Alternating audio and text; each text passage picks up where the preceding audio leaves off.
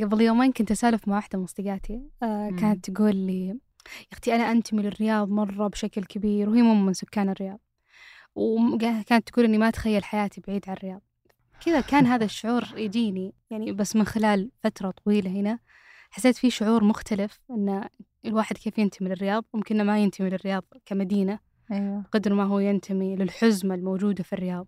أنت حياتك كلها شغل ناس علاقات ودني أنت بالك ما يكون فاضي تماما مثل يوم تروح في قرية ولا تروح في مكان بعيد.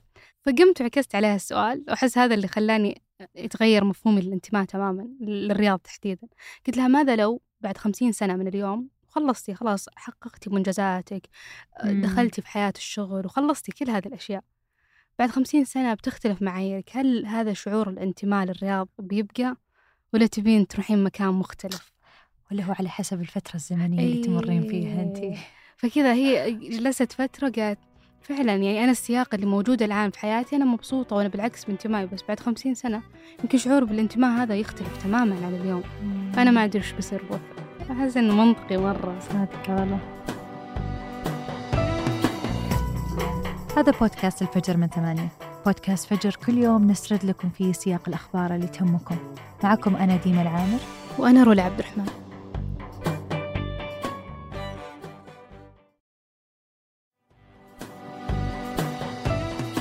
قبل أكثر من 13 سنة وتحديدا في 2010 أعلنت شركة رافيل الإسرائيلية بالتعاون مع الجيش الأمريكي عن تطوير نظام حماية جوي اسمه القبة الحديدية. وقالت الشركة وقتها أن النظام يقدر يعترض صواريخ الكاتيوشا قصيرة المدى اللي تطلقها المقاومة الفلسطينية. وبعدها بسنة بدأ جيش الاحتلال الإسرائيلي ينشر نظام القبة الحديدية بشكل موسع. وتركز نظام القبة في البداية أنه يكون قريب من قطاع غزة كون أن حركة حماس كانت تستهدف إسرائيل بصواريخ الكاتيوشا. وبعدها بفترة طورت إسرائيل نظام القبة وبدأت تنشر الصواريخ في مدن ثانية من بينها تل أبيب. وأمس وبعد 24 ساعة من إطلاق حماس هجوم طوفان الأقصى ضد جيش الاحتلال والمستوطنات الإسرائيلية أعلنت وسائل إعلام أمريكية أن رئيس الوزراء الإسرائيلي بنيامين نتنياهو طلب دعم طارئ من أمريكا من أجل نظام القبة الحديدية حتى تقدر إسرائيل أنها تنشر صواريخ إضافية لحماية نفسها من هجمات المقاومة الفلسطينية. وعموما هذه المساعدة ما هي الأولى.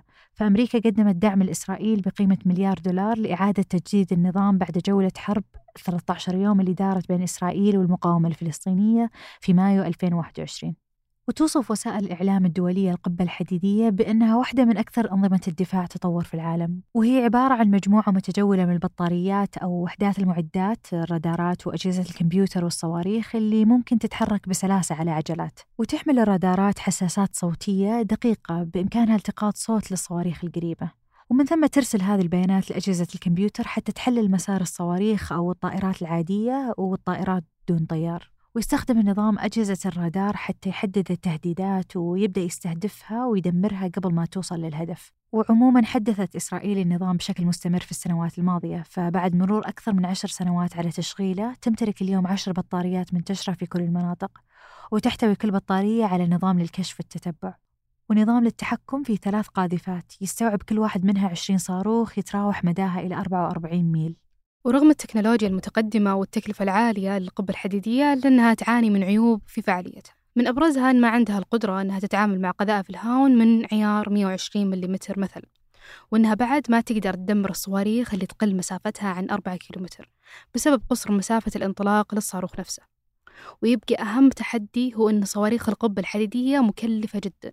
فتكلفة كل عملية اعتراض تكلف بين 50 إلى 100 ألف دولار. وإجمالا قدرت المقاومة الفلسطينية في أكثر من مناسبة أنها تخترق القبة الحديدية من خلال استخدام تقنية نقطة التشبع واللي هدفها إضعاف فعالية أداء القبة من خلال إطلاق مئات الصواريخ في وقت قصير جدا.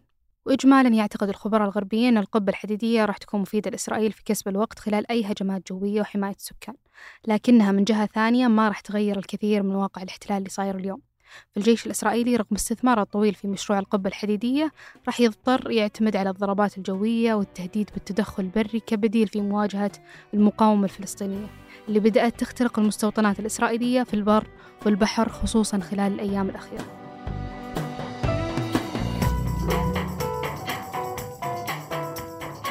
وقبل ننهي الحلقة هذه أخبار على السريع.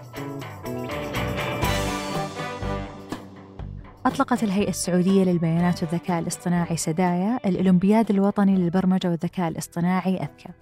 ويعتبر الأولمبياد من أكبر المظاهر الوطنية اللي تستهدف مشاركة 300 ألف طالب وطالبة في المتوسط والثانوي من مختلف مناطق السعودية.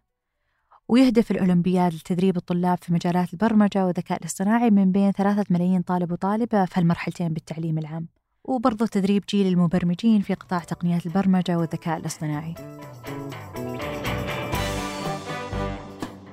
ولأول مرة في السعودية والشرق الأوسط أعلنت خطوط السكك الحديدية سار عن توقيع اتفاقية مع شركة ألستوم الفرنسية لتنفيذ تجارب القطار الهيدروجيني خلال هذا الشهر. وتهدف المبادرة إلى إجراء التجارب التشغيلية لهذا النوع من القطارات ودراسة مدى تناسبها وملائمتها ليتلائم مع البيئة والأجواء في السعودية.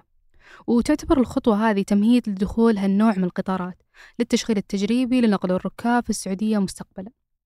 ويعتبر القطار الهيدروجيني من أهم الابتكارات الحديثة في مجال النقل المستدام فهو يعمل على توليد الطاقة اللازمة لتشغيل وتحريك القطارات بدون أي انبعاثات كربونية. وخلال فعاليات أسبوع المناخ المقام في الرياض من المخطط أن توقع شركة أرامكو السعودية وسيمنز الألمانية اليوم الاثنين اتفاقية لبناء مشروع ثنائي لتخزين الكربون. وهذا بحسب تصريحات أمين الناصر الرئيس التنفيذي لشركة أرامكو. وتتطلع الشركة إلى استخلاص ثاني أكسيد الكربون المنبعث من العمليات اللي تحول الغاز الطبيعي إلى هيدروجين. وينتج عن عملية تحويل الغاز الطبيعي إلى هيدروجين آه ثاني أكسيد الكربون. ولكن يمكن احتجاز هذه الانبعاثات واللي يعرف باسم الهيدروجين الأزرق. فيمكن استخدام هذا الهيدروجين في صناعة الأمونيا الزرقاء وهو مركب أسهل بكثير في الشحن من الهيدروجين. وممكن لاحقا تحويل الأمونيا الزرقاء مرة أخرى إلى هيدروجين. وهذا المشروع جزء من رؤية أرامكو لتصبح رائدة في إنتاج الهيدروجين واللي ينظر له على أنه مفتاح التحول بقطاع الطاقة في العالم.